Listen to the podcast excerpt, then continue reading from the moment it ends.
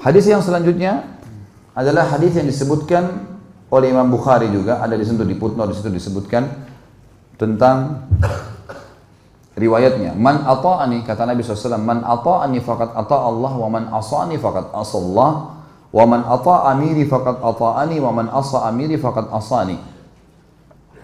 Barang siapa yang taat kepadaku berarti ia taat kepada Allah. Dan barang siapa yang durhaka kepadaku maka dia telah durhaka kepada Allah Artinya semuanya harus diikuti karena ini perintah sang pencipta Allah.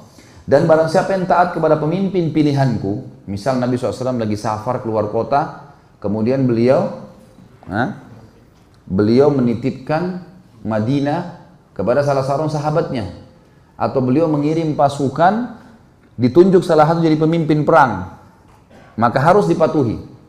Siapa yang patuh pada pemimpin yang aku tunjuk, dia telah patuh kepada aku. Siapa yang maksiat durhaka pada pimpin yang aku tunjuk maka dia telah maksiat kepadaku. Saya kasih contoh. Seorang sahabat Nabi bernama Amr bin As radhiyallahu anhu. Tahu ya? Orang ini dulu musuh Islam. Setelah dia masuk Islam tiga bulan, Nabi SAW membentuk pasukan untuk menyerang salah satu suku Arab yang memang dasarnya mau menyerang Madinah. Suku ini suku besar. Amr bin As baru masuk Islam tiga bulan oleh Nabi SAW menjadikan pemimpin perang. Itu menjadi pimpinan perang, komando perang. Dan di dalam pasukan itu ada Abu Bakar, ada Umar, ada Uthman, ada Ali, ada Talha, ada Zubair, ada sahabat-sahabat yang mulia nih. Tapi Nabi SAW tunjuk Amr bin As. Harus dia jadi pemimpin. Dan pimpinan perang teman-teman kalau sudah ditunjuk nggak boleh dimaksiati. Dia bilang berhenti berhenti, makan makan, pulang pulang, perang perang. Harus dipatuhi. Ini sabda Nabi SAW, siapa yang mentaati pimpinan yang aku tunjuk, dia taat padaku. Siapa yang maksiat maka dia maksiat kepadaku.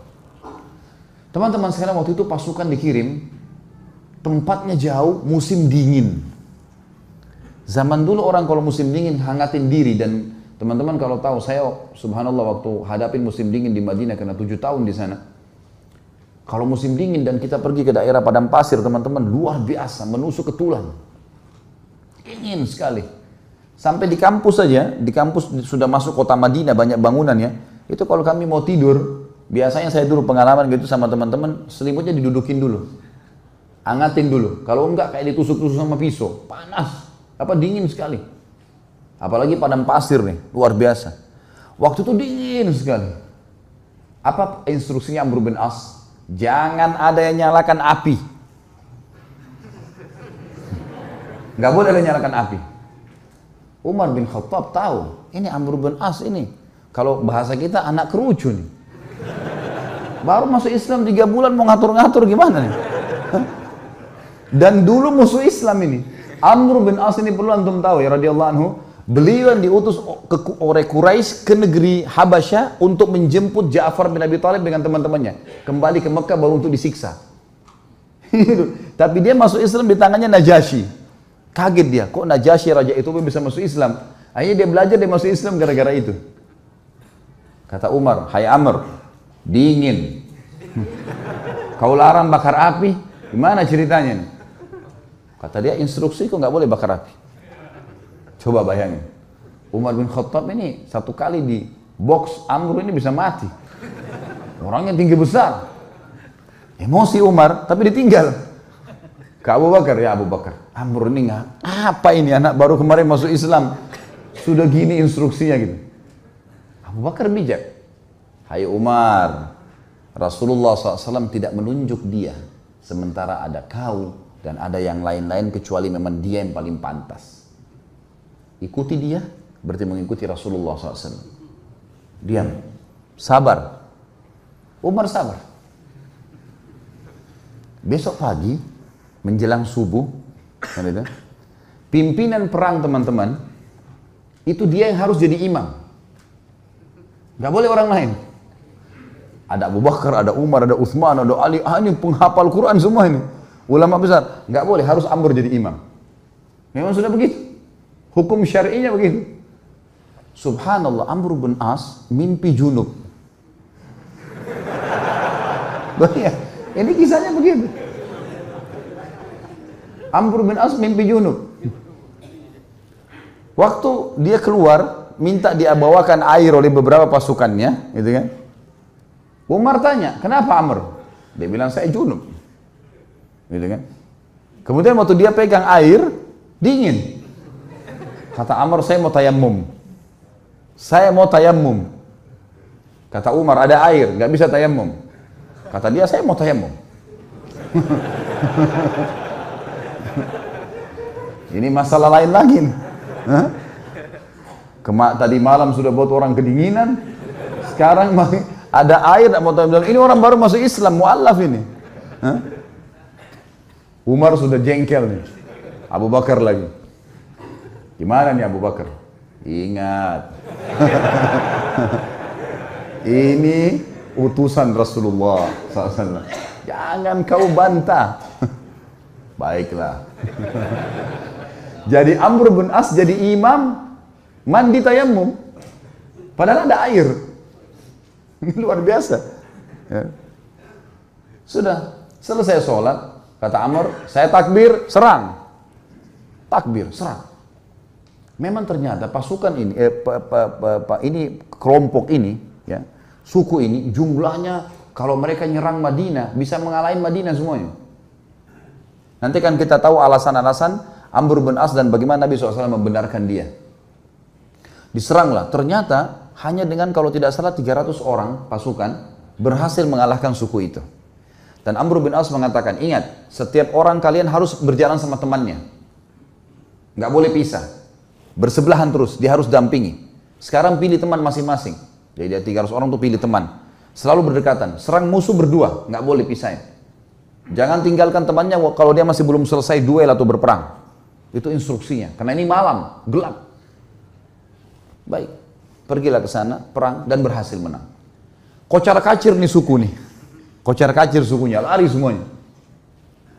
Para sahabat mengetahui mereka kocar kacir dengan semangat serang, takbir, kejar. Kata Amr, tunggu, tunggu, tunggu. Jangan ada yang, jangan ada yang nyerang sana. Tunggu di sini. Umar balik lagi. Hai Amar, musuh udah kalah. Tinggal kita kejar tebas nih. Tidak bisa, instruksi tunggu sini. Tidak boleh kejar musuh. Kumpulin ghanimah yang ada sekarang, pulang Madinah. Tentu sahabat-sahabat yang lain yang didukung siapa kira-kira? Amr atau Umar? Umar. Karena mereka tahu siapa Umar gitu kan. Mereka juga tahu siapa Amr. Pikiran mereka ini Amr ini tiga bulan yang lalu perangin Islam. Ini musuh besarnya Islam ini dulu. Baiklah, pulang pasukan ke Madinah. Baru turun dari kuda, Umar langsung, ya Rasulullah, ini Amr buat begini. Tidak boleh nyalain api, kita lagi kedinginan. Malam-malam dia mandi junub, tidak pakai air, tayamum. Kemudian musuh kalah, kita dilarang pergi tangkap musuh. Padahal itu kan ghanimah.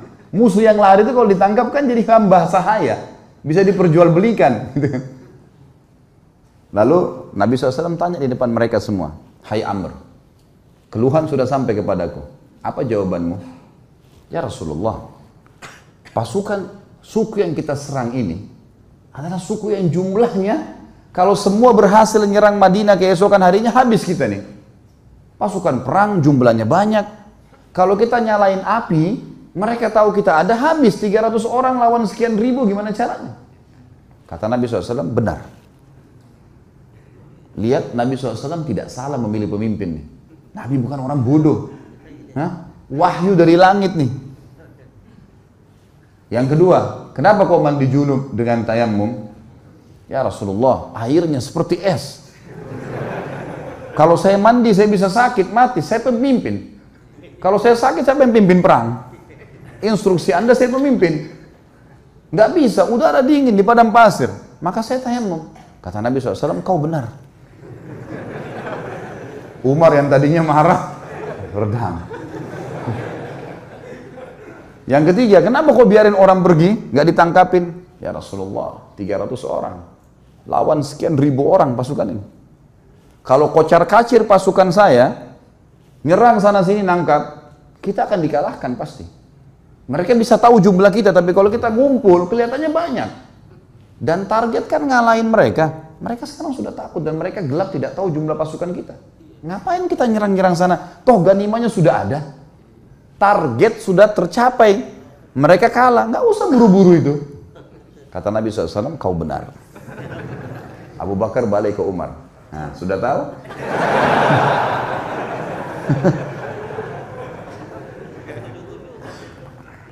Jadi teman-teman sekalian, jangan sampai terlintas di benak antum kalau Nabi SAW ada yang beliau tidak tahu.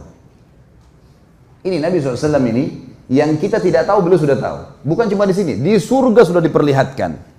Bodohnya sebagian orang menganggap baginda Nabi SAW masih ada yang belum ditahu. Makanya mereka buat-buat ibadah yang tidak diperintahin. Tangkap nggak poin ini? Ini penting sekali.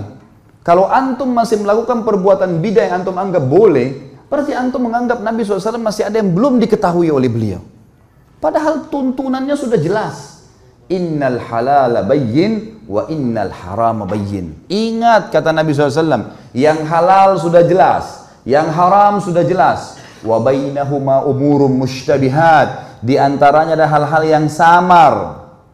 Siapa yang menyelamatkan dirinya dari hal yang samar-samar, faqad istabra ali dini wa dunyah. Dia telah menyelamatkan kesucian agamanya dan dunianya.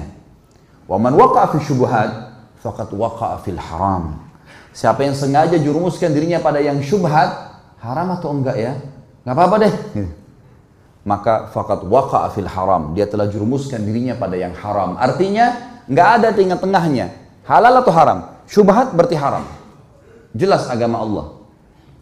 Orang yang jerumuskan dirinya pada yang syubhat berarti jerumuskan ada haram seperti pengembala domba yang membawa domba-dombanya ke ladang yang luas, rumputnya lebih tinggi dari dari domba-dombanya dan dia tidak tahu domba mana yang dicuri oleh serigala. Kita nggak tahu ini halal atau enggak. Lalu kita jerumuskan diri untuk apa? Jadi agama sudah sempurna, nggak butuh tambahan-tambahan. Banyak hal yang membuat umat Islam sekarang berselisih teman-teman. Tapi poin intinya kata ulama adalah mereka semua mengaku kembali kepada Al-Quran dan Sunnah. Semua. Orang liberal pun yang mengatakan Quran harus direvisi, boleh nikah lintas agama, semua orang agama masuk surga. Banyak syubhat yang mereka lemparkan. Mereka juga mengaku, kami juga kembali kepada Al-Quran dan Sunnah. Tapi Al-Quran yang tidak sesuai dengan akal kami, tidak relevan, kami ganti. Tolak, harus direvisi. Hadis Nabi yang tidak masuk di akal, seperti lalat yang dicelupkan di air, susu kemudian bisa jatuh racunnya bisa ngobatin gak masuk di akal ini mereka tolak gitu kan semua mengaku berlandaskan Al-Quran dan Sunnah tetapi yang membuat mereka menyimpang adalah mereka tidak mengikuti pemahaman salaful ummah siapa itu sahabat mereka anggap mengikuti sahabat itu kuno di zaman Nabi SAW itu ya zaman Nabi, zaman sekarang beda, harus diubah. Dan itu yang dikembangkan oleh Kamal Ataturk di Turki Sampai mengatakan ada istilah Islam Arab, Islam Turki, Islam Persia. Sekarang Indonesia kan baru kena penyakit itu, Islam Nusantara. Zaman dulu sudah ada ini. Sampai Kamal Ataturk ganti azan dalam bahasa Turki. Lama-lama azan dalam bahasa daerah kita nih. Diubah semuanya, agama Allah nih. Ini bahaya sekali teman-teman sekalian. Makanya memahami Al-Quran dan Sunnah harus sesuai dengan pemahaman salaful ummah atau sahabat. Pegang baik-baik hadis ini teman-teman. Kalau ini antum jadikan pondasi hidup, pegangan hidup, antum akan selalu aman. Ini jaminan, tiket dari Nabi SAW untuk siapa pun yang bersyahadat sampai hari kiamat. Kata beliau Yahudi terpecah menjadi 71 golongan, Nasrani 72 dan umatku 73. Yang 73 yang dibahas. Semuanya lewat neraka dulu. Nanti masuk surga, tapi lewat neraka dulu. Dibersihin dulu dosa-dosanya kecuali satu. Semua kita bertanya siapa satu, sahabat juga bertanya Rasulullah siapa yang satu, masuk surga langsung tanpa hisab deh. Kata Nabi SAW, maka ana alaihi wa ashabi. Yang mengikuti aku dan mengikuti sahabat-sahabatku. Inilah teman-teman yang dikumandangkan oleh teman-teman yang mendakwakan dakwah salafiyah dan dakwah sunnah di Indonesia. Yang selalu dikatakan aliran sesat, aliran keras, wahabilah segala macam. Padahal mengajak kepada perkataan para sahabat dalam memahami Al-Quran dan Sunnah. Karena nggak boleh sembarangan. Al-Quran turun pada zaman mereka. Nabi SAW sebutkan hadis zaman mereka.